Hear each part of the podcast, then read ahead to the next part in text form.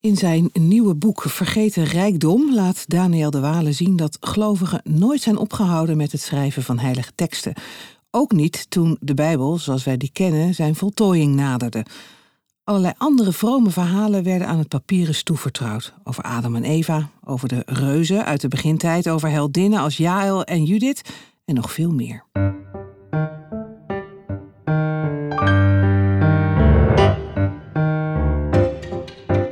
Theologie-podcast gaat over wat vandaag speelt in kerk en theologie. De Theologie-podcast wil delen, inspireren en verdiepen.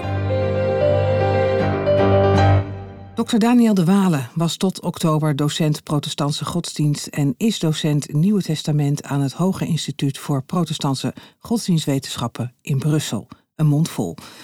En hij is ook lid van de Leerplancommissie voor Protestants Godsdienstonderwijs in Vlaanderen. Hij schreef een aantal boeken over de Bijbel, waaronder het bekende Ontluikend Christendom, cultuurgeschiedenis van een nieuwe religie in de Grieks-Romeinse wereld en heel recent Vergeten Rijkdom, waarin hij de vergeten rijkdom van de Joodse geschriften uit de oudheid onthult.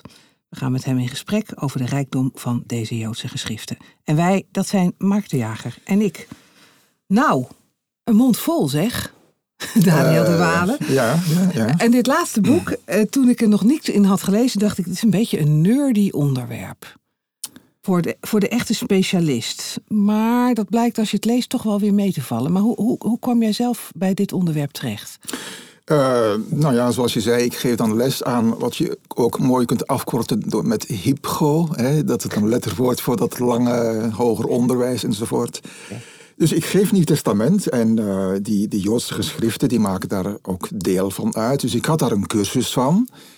En ik dacht bij mezelf, nou waarom breid ik die cursus niet wat uit tot een boek? En voilà, dat is het geworden. Ja, nou een lijvig boek kan je wel zeggen. Ja. Is het voor de gemiddelde gelovige interessant om, om van, deze, van deze geschriften kennis te nemen? Als de gemiddelde gelovige enige interesse heeft uh, in dingen buiten zijn persoonlijk leventje, dan uh, zeker wel, ja. Ja. ja. Nou, en dat is denk ik ook wel, wel, wel, wel krachtig. Want uh, eigenlijk stel je de, de, vraag aan de verkeerde persoon natuurlijk. Want Daniel vindt het natuurlijk ook mm. super interessant. Maar ik bedacht mezelf ook tijdens het lezen. Ik zat er vanmorgen nog even te bladeren van... het is ook heel toegankelijk. Hè? Dus juist ja. voor mensen die echt er helemaal niks van afweten... dan kom je er... kom je er word je helemaal meegenomen in die, in die wereld. En dat, dat vond ik wel, wel bijzonder om te lezen. Ja. Ja. ja, maar dat is ook wel mijn bedoeling. Hè, om het toegankelijk te schrijven, zodat de, gewoon de gemiddelde mens er wat aan heeft. Hè. En ook mijn studenten daar uh, in Brussel natuurlijk. Ja, ja. Waar, waren die een beetje enthousiast over deze verhalen? Even denken, want we hebben zo'n een, een systeem dat uh, met drie jaren, drie jaargangen zeg maar. En dit is al even geleden dat ik het nog gegeven heb. Uh, ja, god, ik denk dat dat verschilt. De ene vindt dat heel boeiend, de ander is daar wat minder door geïnteresseerd. Mhm, Mm -hmm, ja, mm -hmm, zo gaat het bij mensen. Ja, inderdaad. Ja. Even over, om te bepalen wat het nou voor verhalen zijn en in welke tijd en zo. Uh, we weten dat de Bijbel uit verschillende boeken bestaat. Dat op een gegeven moment uh, op verschillende concilies is besloten welke boeken komen er wel en niet in de Bijbel. En dat dat ja. de Bijbel is zoals wij die nog altijd lezen. Enig klein beetje verschil tussen Rooms-Katholiek en Protestant. Een aantal boeken staan, zitten er wel in bij de Rooms-Katholieken die bij de Protestanten. Zijn dit uh, ook verhalen die daar in de Bijbel hadden kunnen komen of zijn ze van later? Nou, ze zijn uh, meestal, de meeste die genoemd worden, zijn van uh, rond het begin van onze jaartelling. Dus de tijd van Jezus, zeg maar, ja. ook. Hè? Ja. Uh, dus je moet ze in die tijd situeren. wat was de vraag nou ook alweer? Nou, of ze net zo goed in de Bijbel hadden kunnen komen of niet. Nou, niet echt.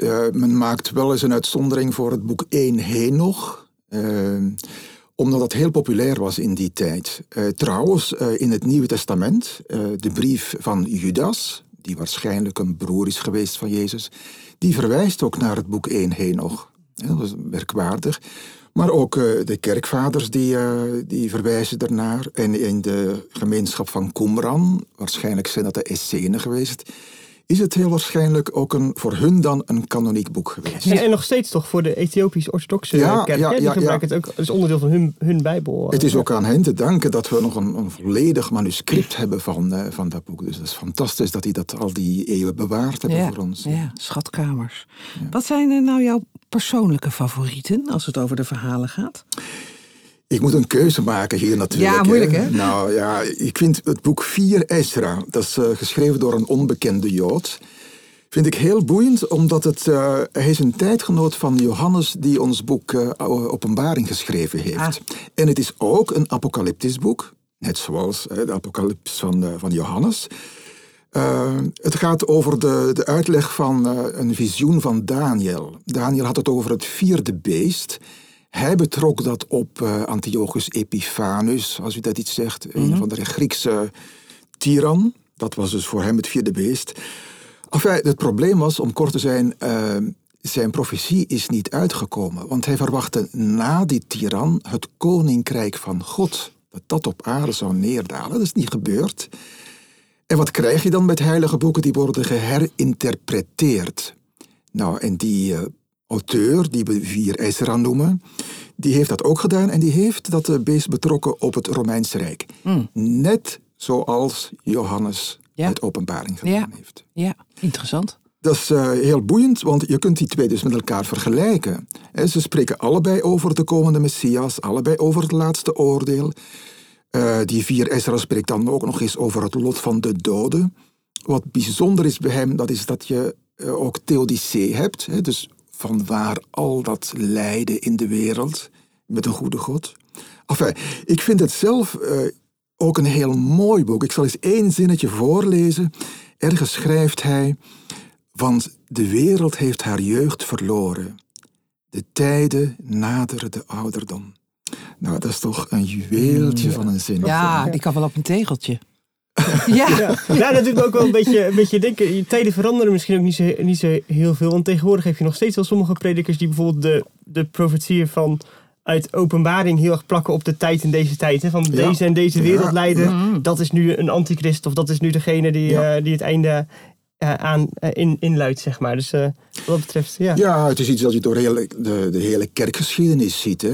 voor Luther bijvoorbeeld was het vierde beest, dat waren de Turken. Oh, ja, die toen Europa bedreigden. We hebben ook nog eens de draak gehad dat de Europese Unie was. Dus ja, ja, ja, kunnen we nog wel even oh, door. Precies, ja, ja, Wat voor een rol spelen deze verhalen in, in de Joodse traditie?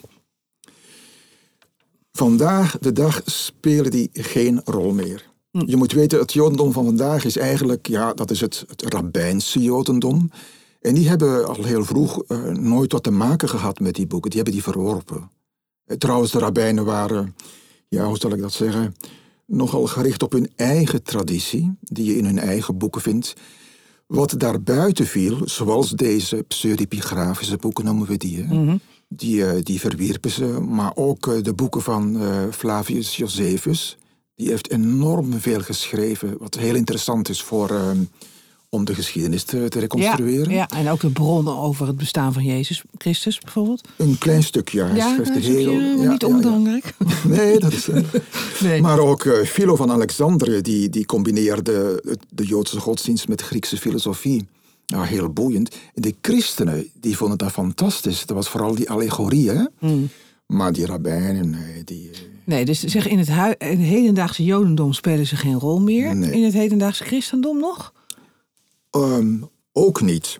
Oh. Het heeft wel een rol gespeeld in de, zeg maar, de vier eerste eeuwen.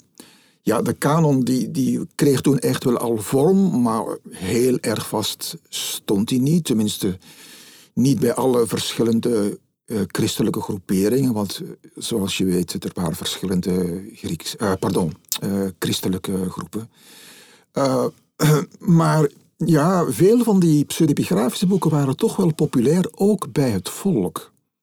Dus, uh, maar officieel was dat toch een stuk minder. Mm. En als je zegt in, in de tradities spelen ze dus niet zo'n grote rol. Maar ik kan me voorstellen in het onderzoek naar Jodendom en Christendom weer wel. Bijvoorbeeld bij de Dode ja. Zeerollen zijn natuurlijk heel veel fragmenten gevonden van pseudepigrafen. En om te begrijpen in wat voor wereld ook bijbelboeken zijn ontstaan en, en christelijke Joodse culturen. Ja, absoluut. Kijk, als je nou wil kijken van uh, hoe zag die wereld eruit uh, religieus dan, waarin het Nieuwe Testament is ontstaan, ja, dan is dit een, een schat van informatie die hmm. we hebben. Hè? Ja, dus uh, ook al is het dan niet meer, wordt het niet meer heel veel gelezen. Het zegt ons wel heel veel over die tijd. Ja. Um, ja, Mark en ik zijn theoloog, dus we hebben in onze opleiding ook wel wat meegekregen over, uh, over de Joodse geschriften, maar dat zal niet voor alle luisteraars gelden. Je hebt bijvoorbeeld, ik noem even een rijtje, de Tenach, de Pentateuch, de Septuaginta, Targums, pseudo-epigrafen kwamen al voorbij, de Mishnah, de Tosefta, de Talmud en de Midrashim. Zo, Ja, nou, ik weet niet of we ze allemaal moeten behandelen. wil je daar eh, kort uitleg eh, over geven? Ja, vertel eens even. Nou, Tanach is een, Waar mee te- letterwoord. Eh, Torah, Nebi'im, Getubim. eh, dat zijn de drie delen van het Oude Testament. Wat Ja. wij christenen Oude Testament noemen. Dat Ja, is Tanach. Dat is simpel, ja. De Septuaginta is eh één van de Griekse vertalingen die in Alexandrië ontstaan is. Er waren er meer in de tijd. Hè. Eh, daar valt veel over te zeggen, maar nu eventjes alleen dit. Een Griekse vertaling voor de Griekstalige Joden. En waarin het Nieuwe. Testament ook vaak uit wordt geciteerd, toch? Door Paulus Ja. bijvoorbeeld. Ja, Die, ja, absoluut. Ja. Nou, dat is heel ingewikkeld, want hij citeert uit een Griekse vertaling, maar is dat de Septuagint? Want we hebben vandaag de dag ook die Septuagint nog steeds. Mhm. Alleen dat is één van de verschillende versies die er zijn geweest. Versionen, zoveel. Ja, ja, ja, ja. Dus dat is een tamelijk ingewikkelde tekstkritische materie. Enfin, Daar hield ik altijd ontzettend van, van tekstkritiek. Zo leuk. Ja. Ja, nee, serieus. Wat hadden we dan nog? Nou, de Eh, Targum. de Targum, dat is een Arameese vertaling. Oké. Eh, die is leuker dan de Griekse vertaling, dan de Septuaginta, omdat veel van die targums die interpreteren ook. Die vertalen niet alleen, maar die geven ook wat uitleg. Dus, en dan zie je hoe, hoe Joden in, in, in vroegere tijd eh, bijbelteksten hebben betrokken ja, op, op hun eigen vragen, hun eigen leefwereld, zeg Ja, maar. ja. Nou, pseudo-epigrafen hadden we het al over, de Mishnah. Nou, dan kom je bij de rabbijnse literatuur. De Mishnah is eh, een wetboek, kun je wel stellen. Eh, kijk, de Torah geeft natuurlijk ook wetten, maar lang niet genoeg. Het dagelijks leven heeft zoveel vragen en problemen die graag een, een antwoord willen hebben. De Torah die geeft daar niet allemaal een antwoord op. Maar geen nood, de rabbijnen hebben daarin voorzien. Mondelinge overlevering noemen we dat. Uh, en die is dan begin derde eeuw uh, officieel neergeschreven in wat wij de Mishnah noemen. Ja. Dat is een saai boek voor ons. Ja. En wij zijn gewoon aan het Nieuwe Testament. Nou, dat, is, dat staat vol met prachtige verhalen enzovoort. Nou, u kent dat. Ja, de Mishnah is een wetboek. Eigenlijk is er één deeltje, Spreuken der Vaderen. Dat is wel heel mooi om te lezen. Dat gaat dan over ethiek en, Hmm. enzovoort. Ja. Nu, die Mishnah, dus dat is de, de Joodse wet, zeg maar. En, Ja. Daniel, als jij, zeg maar, dat, eh, als jij nu een rabbijn op straat zou tegenkomen en je zou zeggen, ja, die Mishnah is toch wel een saai boek. Zou die, zou die dan chagrijnig worden? Of, eh, want rabbijnen hebben- houden toch juist wel heel erg van die Ja, en zo. maar dat is, dat is voor hen ook ontzettend belangrijk, hè, de, de Joodse wet. Eh, ik weet niet of die chagrijnig zal worden. Dat Ga eens uitproberen in Antwerpen. Saai eigenlijk, hè, die boeken voor jou. Ja. En, de Tos- Ja. en we gaan nog heel even door, niet te lang. De Tosefta. Dat is eh, een aanvulling op de Mishnah. Oké. Daar maar behouden. En Ja, de Talmud goed. is weer een aanvulling op de Mishnah en een beetje de Tosefta. Ja, en de Midrashim, dat zijn, is een soort uitleg bij verhalen, toch? Je hebt er twee soorten. Je hebt de Oh. halagische, dat betreft weer wetten. En eh, je hebt dan de, de, de agadische, dat zijn verhalen. Die zijn heel leuk. Ja. Je vindt daar bijvoorbeeld ook gelijkenissen in, die heel sterk lijken op gelijkenissen die Jezus vertelde. Ja, want Dus ik dat hoor is nog wel weer- eens predikanten uit de Midrashim putten. Oh. Om nog iets toe te voegen aan hun preek, bijvoorbeeld. Ja, ja, ja. Dan zou je kunnen zeggen, dit alles overziend, dat er enorm veel geschreven werd. Ja, absoluut. Ongelooflijk. Ja. Meer dan op andere plekken in de wereld. Nou, Of niet? dat is een beetje moeilijk om te bepalen. Ehm, kijk, die andere volken of binnen andere religies, die hebben ook ongelooflijk veel geschreven. Denk alleen maar aan de, de Zoroastriërs, de, de ja. godsdienst van Zarathustra. Die hebben heel veel geschreven, er is alleen heel weinig van overgebleven. Dat is jammer. Mm. Maar ook als je denkt aan de Griekse en Romeinse filosofen, dus dan, ja, dat was eigenlijk ook wel eh, religieus eh, in die tijd, vooral de tweede eeuw. Die hebben ongelooflijk veel gepubliceerd. Er is nog tamelijk wat van overgebleven, maar heel veel is verloren gegaan. Ja. Bij de Egyptische religie kun je hetzelfde zeggen. En de Mesopotamische, nou, daar hebben ze duizenden, echt duizenden kleitabletten teruggevonden, die nog steeds niet allemaal gepubliceerd zijn. Er is gewoon veel te veel werk. Dus men Dus schreef de- gewoon nogal veel, kan je zeggen. ja. en hier hebben wij vrij veel overgeleverd Ja. gekregen. En je zei ook al eerder, dat helpt ons ook wel heel erg om ook de tijd van de Bijbel te begrijpen. Ja. Eh, wat, wat heeft het voor jouzelf toegevoegd aan je kennis of aan je begrijpen? Kan je, kan je daar iets over zeggen? Nou, ik heb er eigenlijk al iets, eh, iets over verteld uh, toen ik het had over 4 Esra. Hè? Ja. Dat is, eh, ik, ik ga het eventjes bij dat voorbeeld houden. Mhm. Je kunt dat heel mooi vergelijken van hoe dachten andere Joden over die thema's. Messias, eh, eind- het eindoordeel. En, en hoe dachten christenen bijvoorbeeld, eh, die Johannes daarover. Nou, dat komt in, hele, in, in grote lijnen best wel sterk overeen. Er zijn natuurlijk ook wel verschillen. Wat zijn die verschillen? Waar komen die verschillen vandaan? Iets anders is bijvoorbeeld als je het hebt over de dode zeerollen. eh, die Essenen, dat was best wel een sectarische groep mensen hoor. Ja, vertel even de Dode Zeerollen. De meeste mensen zullen het weten, maar ergens Ja. in de jaren zestig ontdekte men in een grot, vind ik altijd zo'n prachtig Ja. verhaal, Ja, eh, allemaal potten vol met rollen Ja. met teksten erop. ja. En wat voegde dat toe? Eh, dat was een enorme ontdekking, om, ten eerste omdat veel bijbelmanuscripten daar gevonden werden, die zeer oud zijn, uit, uit het begin van onze jaartelling. Mhm. Heel interessant om te vergelijken met onze Bijbel. Hè. Maar er zijn ook best wel wat eh, geschriften gevonden van die gemeenschap zelf. Dat zijn dan de Essenen, nemen de meeste onderzoekers wel aan op goede gronden. Ehm, die Essenen waren sectarisch. Dat betekent, het heil was alleen te vinden in hun groep. Die waren ook heel streng, heel wettisch, zoals wij dat noemen. Het hele leven, tot in de kleinste details, was wettelijk geregeld. Nou, je ziet er bijvoorbeeld eh, elementen terugkomen, eh, morele aspecten, die je ook in de bergreden vindt. Je kunt dat dus mooi met elkaar vergelijken. Maar dan zie je dat Jezus, wat hij zeg maar aanbeveelt om te doen, nooit implementeert in wetten. En zeker niet in wetten waar dan nog eens een strafmaat bij, bij verteld wordt. Nee, Jezus doet een appel op mensen. Hij is dus wel een, je zou Jezus een soort schriftgeleerde kunnen noemen, maar toch geen wetgeleerde. Mm. Eh, dat was bij de, de Fariseese Joden wel zo, bij die Esseense Joden nog sterker. Nou, kijk, als je, ik heb nou twee dingetjes genoemd, vier Ezra en, eh, en die Essenen. Als je dat, dat- in dat legt, het Nieuwe Testament legt, dan worden wel dingen duidelijker. Dan, dan ga je ook zien van, oh ja, Jezus, die heeft het eigenlijk vooral over het hart van de mens. Eh, de- Het bekende verhaal dat, eh, hoe is dat? De- je hebt daar fariseeën die de overspelige vrouwen bij Jezus brengen. Ja. In het Johannes-evangelie. Nou, die mannen die zijn geïnteresseerd niet in die vrouw, maar in de wet. Ja. Wat vindt Jezus nou van de wet?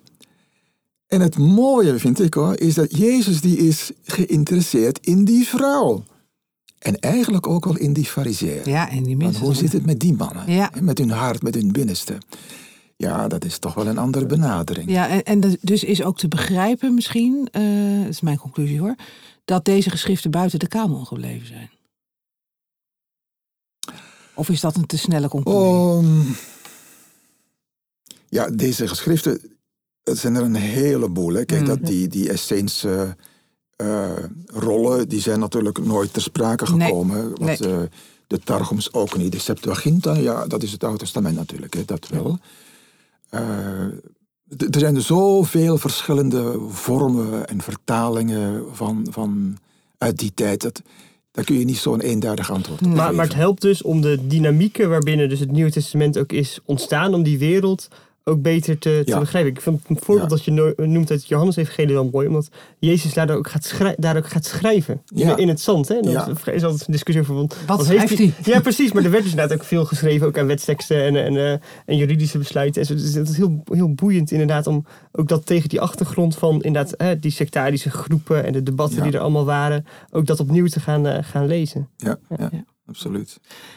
Wat voor een beeld van God komt er uit deze geschriften naar Nou, voren? dat is, dat is best een, een lastige vraag. Want als je nou die geschriften leest, en dan vooral die pseudepigrafische boeken, hè, dan merk je dat die eigenlijk veel meer over de mens schrijven dan over God. Ah.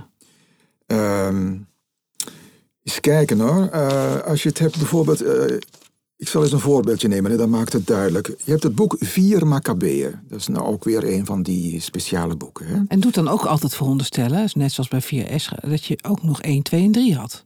Klopt. Ja, maar Ja, die vier hebben... Maccabeeën kijkt toch weer terug ook weer op die andere wat er in die andere Maccabeeënboeken beschreven staat, toch? Zo ongeveer, Ja. ja. Ja. Dus die andere drie zijn dan verloren, maar die vier hebben we nog. Oh. Eén, één Maccabeeën staat in de katholieke Bijbel. oh ja, ja, precies. En twee en drie zijn ook nog bekend. Ja. En, en vier ook nog. Ja. Dus, eh, Maar goed, vier Maccabeeën en het ja, beeld van nou, God. Waar gaat dat dus over? Nou, ik heb even genoteerd hier. De vraag, hoe bereikt de mens apatheia? Apatheia is een stoïcijns begrip, dat is de gemoedsrust. Vooral met het oog op martelingen die die gasten moesten ondergaan. Dus de passies onder controle houden. Je hebt daar dus een, een heel Grieks element dat eigenlijk binnenkomt in het geloof. Het gaat over de verzoenende kracht van het lijden. Weer van die martelaars. Maar denk bijvoorbeeld, dat is dan weer interessant, Paulus die zegt dat ook. Paulus die heeft het ergens over dat hij in zijn lichaam, dat hij aanvult eh, in zijn lichaam wat aan Christus lijden ontbrak. Dat klinkt Zo. niet erg protestants, Nee, dat maar het is staat wel in het Nieuwe Ja, Testament. daar hebben we het in een eerdere podcast eh, ook over gehad eh, met, eh met Vonne van der Meer. Over, over het lijden voor een, voor een ander. Ja, Dat, eh, dus dat is net ook diezelfde ja precies. Maar ja. dit gaat toch alweer één stap verder. Ja, precies. Ja. Impliceert toch wel nog verder gaan in het lijden dan Christus zelf. Nou, dat is een, eh, een theologische discussie. Ik ga daar nog niet verder op in. Maar Ignatius, een van die vroege eh, kerkvaders, die had, die, dat was ook een martelaar. Hè? Die, die zei dat ook. We hebben nog zijn brieven trouwens, heel boeiend. Eh, maar hier in 4 Maccabeeën heb je ook weer dat element. Het gaat dan verder nog over de onsterfelijkheid van de ziel. Dat is nieuw vergeleken met wat het Oude Testament daarvan zegt. Daar had je dus na dit leven ten eeuwige dagen het sombere, stoffige dodenrijk en dat was het. Hè? Maar hier zie je nieuwe geluiden ontstaan. Eh, de trouw aan God tot in de dood. Nou, dat zijn zo wa- wat dingen die in dat ene boek aan bod komen. Ja, Maar als je nou vraagt, en God zelf, ja, daar Nee. zegt hij niks over. nee. Je kunt dan onrechtstreeks wel een of ander afleiden uit wat hij zegt over die andere dingen. Bijvoorbeeld dat God het wel erg leuk vindt of erg apprecieert dat je je geloof vasthoudt. eh, on- ondanks martelingen, dat bijvoorbeeld. Maar dat is dan toch eh, onrechtstreeks. Maar dat, is op zich niet uniek, denk ik, voor die buitenbijbelse tekst. Want als ik bijvoorbeeld aan het boek Esther denk, ook een vrij jong boek in het Oude Testament, daar wordt Ja. God überhaupt niet in ge- genoemd. Precies. En dat geldt eigenlijk voor heel wat boeken in het Oude Testament. Als je kijkt naar vooral eh, de, boeken Samuel, Koningen, Kronieken ook. Dat zijn prachtige boeken, maar die gaan dus eigenlijk over mensen. Hè? Als je kijkt naar David, zijn familie, Tamar die verkracht wordt, hoe, hoe, hoe David daarop reageert, zijn overspel met Bathsheba en al. Dat zijn verhalen over mensen. Ja. Daarom zijn ze voor ons ook zo boeiend. Hè? En natuurlijk, het is ook wel weer zo, er wordt ook wel wat over God verteld. maar ik vind dat het nog het, het best tot uiting komt. Dus als de vraag is, waar wordt dan God getoond? Ja. Nou, dat is toch wel het Nieuwe Testament. Hm.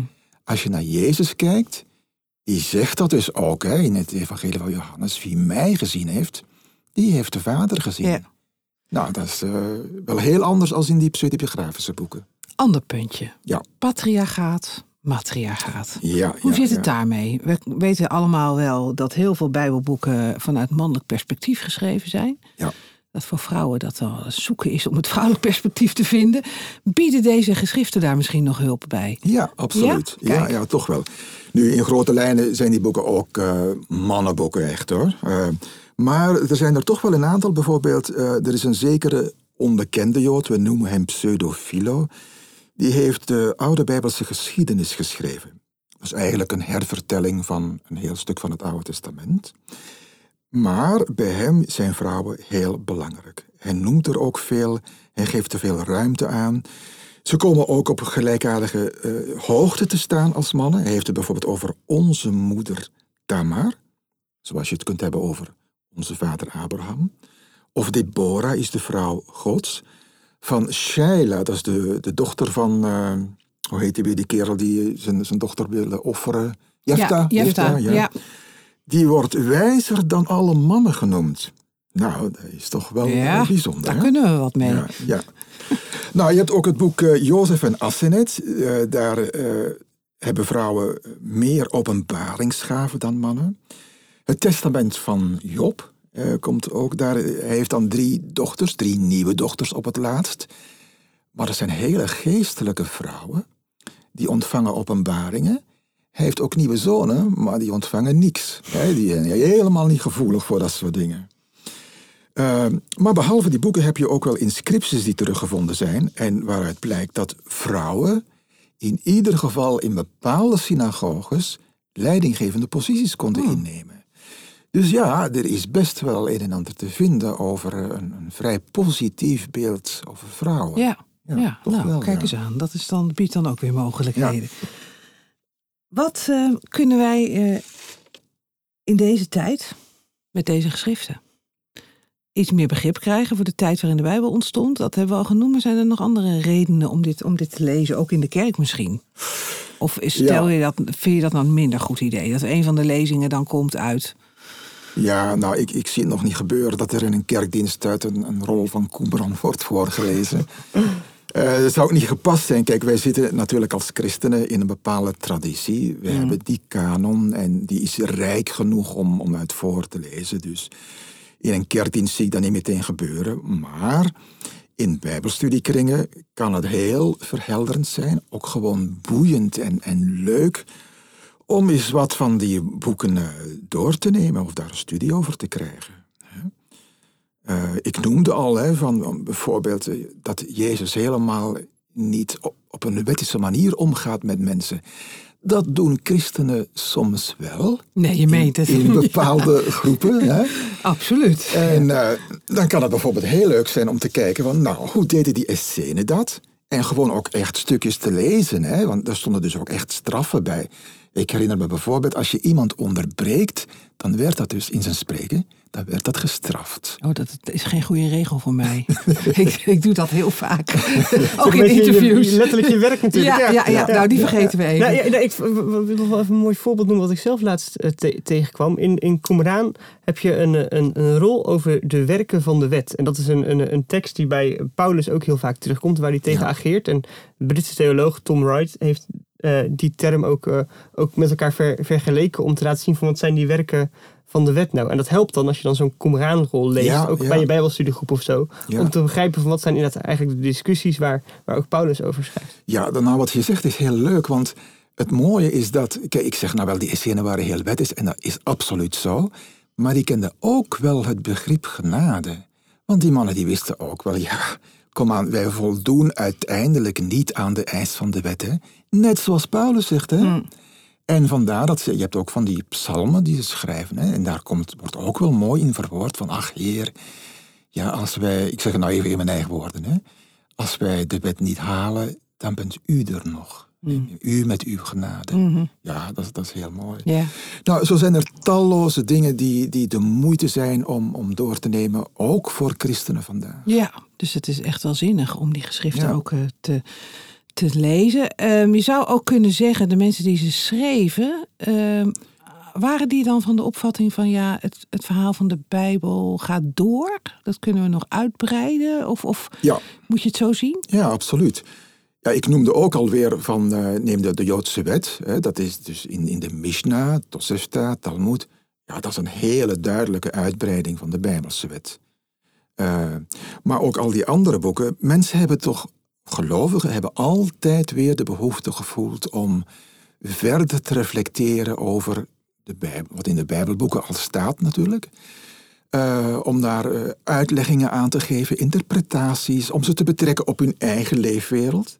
Een, een, dat is een uitlegging, een pijscher van Habakkuk, ook weer een van die dode zeerollen. Daar wordt het woord van Habakkuk, de Oud-testamentische profeet, heel sterk betrokken op hun eigen tijd. Die mannen doen dat op hun eigen manier. Maar wat wij christenen doen in predikingen en in boeken, ja, dat is ook weer hetzelfde. Hè? Dat is ook die boodschap van de Bijbel overzetten op onze eigen tijd. Hmm. Hoe moeten wij daarmee omgaan? Mm Vinden we daar antwoorden in op onze vragen enzovoort. Dus, dus wij schrijven eigenlijk ook verder, zou ja, kunnen inderdaad, zeggen. Alleen we, schrijven, ja, we schrijven het misschien wel op in preken.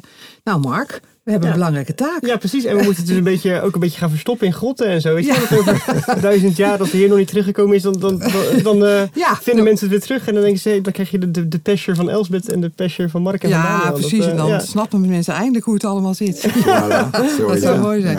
Dankjewel, Daniel de Walen, dat je ons even mee wilde nemen in je nieuwe boek. En uh, nou, ik denk dat veel mensen er veel plezier aan zullen beleven. Hartelijk dank ja, graag voor de komst. En ja, ik wil graag ook even verwijzen naar uh, theologie.nl. Want als u meer wilt lezen over die rijkdom van de Joodse geschriften, ga dan naar de themapagina die is gemaakt. www.theologie.nl slash vergetenrijkdom aan elkaar. Op die pagina hebben we een groot aantal actuele artikelen over dit thema waarover we net spraken bij elkaar geplaatst. En uh, wist je dat de podcast ook onderdeel is van datzelfde platform, theologie.nl? En daarop staan een paar duizend theologische blogs, honderden theologische boekrecensies en duizenden theologische artikelen. Die staan voor jou klaar om te lezen. En je kunt ook uh, een, uh, een, hebben een leuk aanbod voor je. Lees alles op theologie.nl één maand gratis. Ga naar de site, kies lid worden en gebruik de code podcast tijdens je bestelling. En dan uh, mag je een maand lang alles gratis lezen.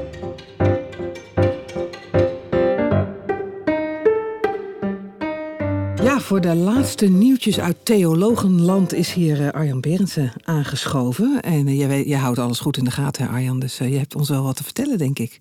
Zeker, houd ik alles goed in de gaten. Dat doen we natuurlijk ook samen met de redactie van theologie.nl, die bovenop al het nieuws zit. nieuws in Theologisch Nederland. Maar vandaag blijven we wat dichter bij onszelf. Ik heb wat over onze podcast te delen. Nou, boeiend. Vertel. Nou, de podcast die uh, ontwikkelt zich goed. We zijn al bijna toe aan de dertigste aflevering. Toch in een soort jubileum binnenkort. Zo, waar is de taart? ja, we zijn nog niet helemaal. Oh, oké. Okay. um, we hebben het afgelopen jaar natuurlijk de frequentie verhoogd. We zijn heel blij met jullie als presentatieduo. Maar we hebben ook uh, Tom en Tabita gevonden. En we merken echt dat die uitbreiding in frequentie uh, ook goed doet. we merken bijvoorbeeld dat mensen steeds meer beginnen te reageren naar aanleiding van de podcast krijgen mailtjes, uh, telefoontjes. Dreigbrieven? Uh, geen dreigbrieven, ja. gelukkig. Uh, en ik dacht, het is misschien leuk om dat even nog aan te moedigen ook. En dat is gewoon hardop te zeggen hier tegen elkaar, tegen de luisteraars. Denk je, hé, hey, ik zou wel eens willen reageren, doe dat dan ook. We zijn bereikbaar op redactie apenstaatje theologie.nl. Heb je een keer ideeën voor een thema? Weet je een toptheoloog waarvan je denkt, nou, daar moeten Mark en Elspeth eens een keer een pittig gesprek mee voeren? Uh, laat het ons weten. We staan er enorm voor open. Weet je een goed theologisch boek of een artikel, een website? En dat mag ook best van andere uitgevers zijn, hè? Zeker. Ja. Uh, dat is heel goed dat je dat even noemt. Uh, Theologie.nl staat namelijk redactioneel los van welke uitgeverij dan ook. We zijn natuurlijk geboren in de stal van Kok Boekencentrum.